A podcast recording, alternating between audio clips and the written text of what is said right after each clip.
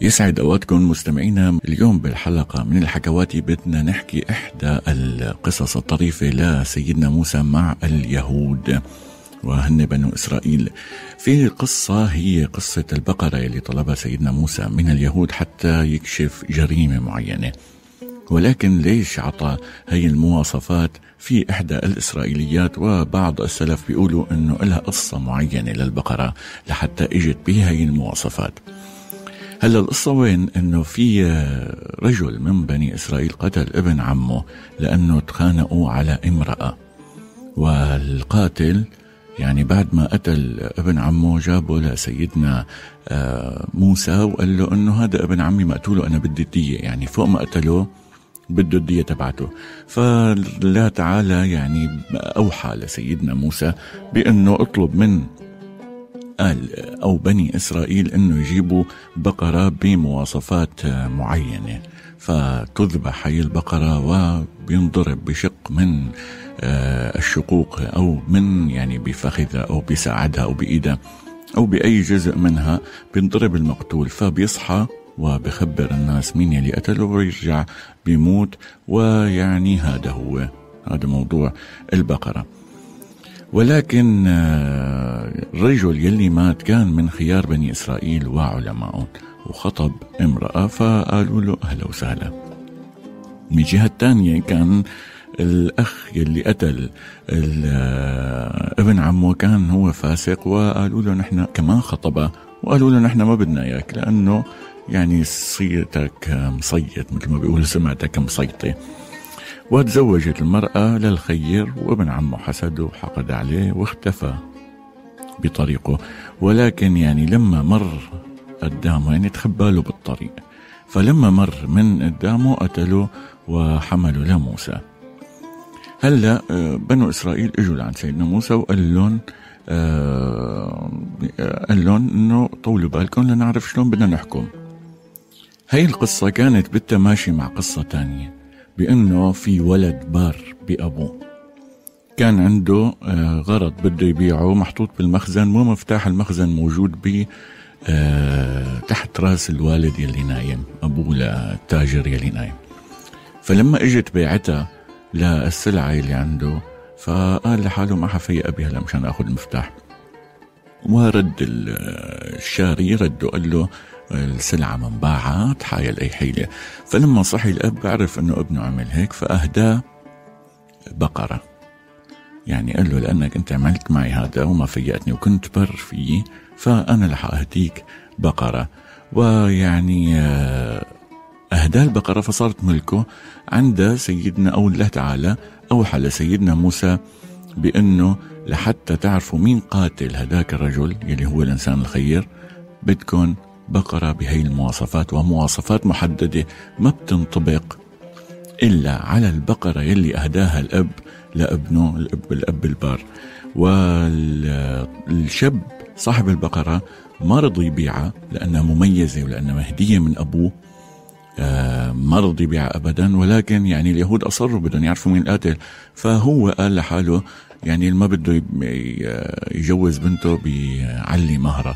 فطلب انه ينملى جلدة ذهب. قال لحاله بكبر السعر فبيحلوا عنها للبقرة. ولكن يعني لما قال لهم أنا هاي البقرة بدي جلدة ملئه ذهب لحتى بيعكم إياها فهن مضطرين آه إنه ياخذوها فدفعوا له ملء جلد البقرة ذهب يعني أكثر من وزنها بكتير. خلينا نقول يعني آه أو خلينا نقول وزنها ذهب دفعوا له.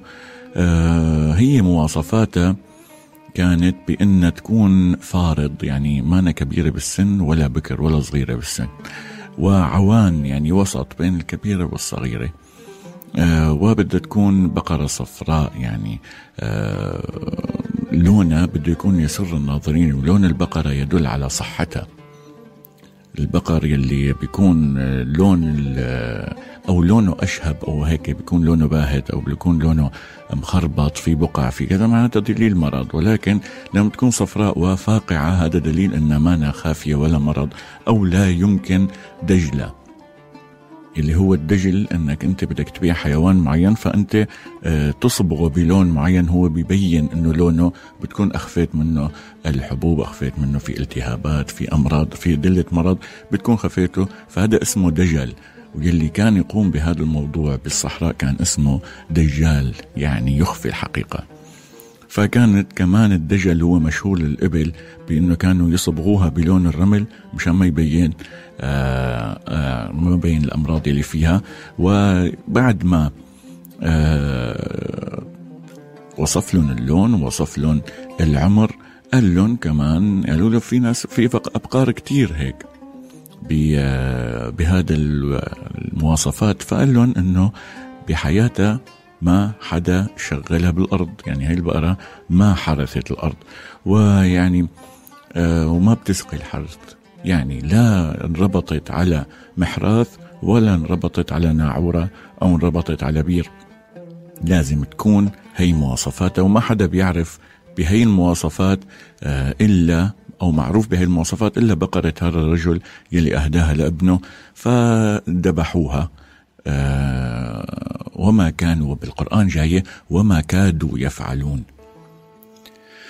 مواصفاتها قد ما كانت نادرة والمصاري اللي دفعوها عليها دفعوا دم قلبهم عليها فذبحوها وهن يعني بقلبهم غصة إنه شلون بدنا ندفع؟ لأنه كان السعر غالي جدا واصلا هي نادرة.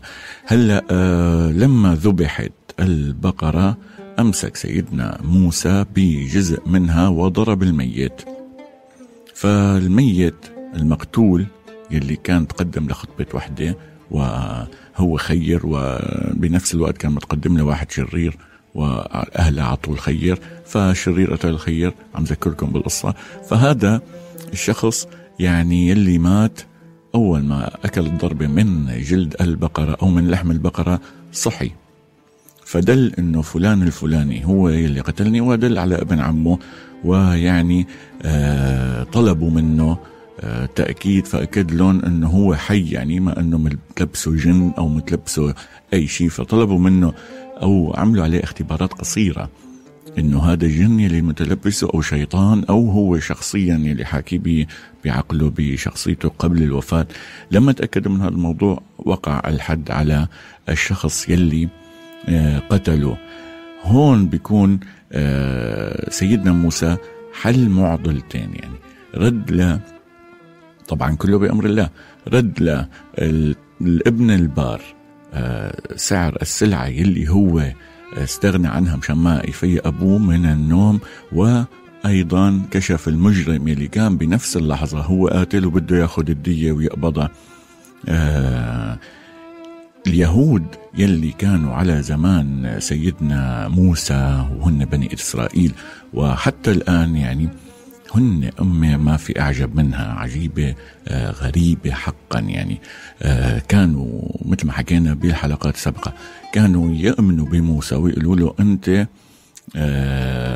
نبي ولك معجزاتك ولكن نحن ما حنتبعك وما حنآمن فيك لحتى دائما يخلوه يقدم تنازلات ويقدم الموضوع أو كل شيء هن بيطلبوه. طلبوا ينزل منه سلوى وطلبوا ينزل من عندهم من السماء أكل وطلبوا أنه يسمعوا الله عم يحكي وطلبوا أنه موسى يشوف الله تعالى ويوصف لهم ما خلوا طريقة وموسى دائما عما يتابعهم وعما لهم اللي عم يطلبوه فقط لأنه بدهم أو بده اياهم آه، يعبدوا الله وحتى كسر الالواح بسببهم ويعني حطمها وفي منهم قال آه، ضايع الالواح التوراتية اللي جابها موسى من جبل الطور.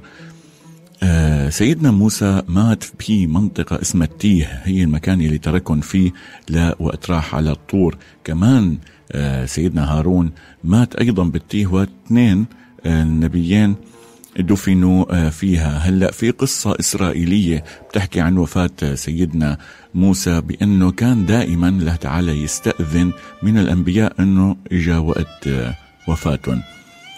ف وعزرائيل ملك الموت كان دائما أيضا يقول له أنه أنا جاي أخذ روحك من بعد إذنك فيكون استئذان للنبي قبل وفاته. ولكن سيدنا موسى كان كلما اجى لعنده ملك الموت أو أي ملاك كان يرفض إنه يموت فيقول له أنظرني إنه روح خبر الله تعالى إنه أنظرني لسه بدي أعيش. فيعني ما يأخذ الإذن سيدنا عزرائيل.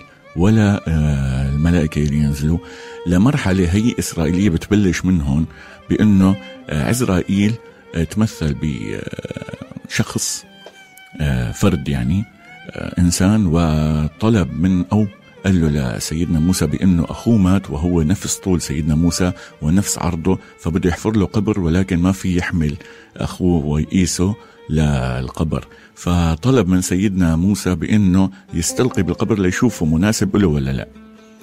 فلما استلقى سيدنا موسى في القبر فتحول آه، سيدنا أو الملك عزرائيل ملك الموت لا حقيقته وقال له أنه أنا ملك الموت والله تعالى يقرأك السلام بيقول لك أنه حانت ساعتك ائذن لي بأنه آخذ روحك. فسيدنا موسى آه، شاف حاله انه إنه خلص ما عاد في آه، نقاش أو ما عاد في جدل بهذا الموضوع واستسلم لإرادة الله وسلم الروح والأمانة إلى الله تعالى. آه، قصص سيدنا موسى طويلة وكثيرة جدا.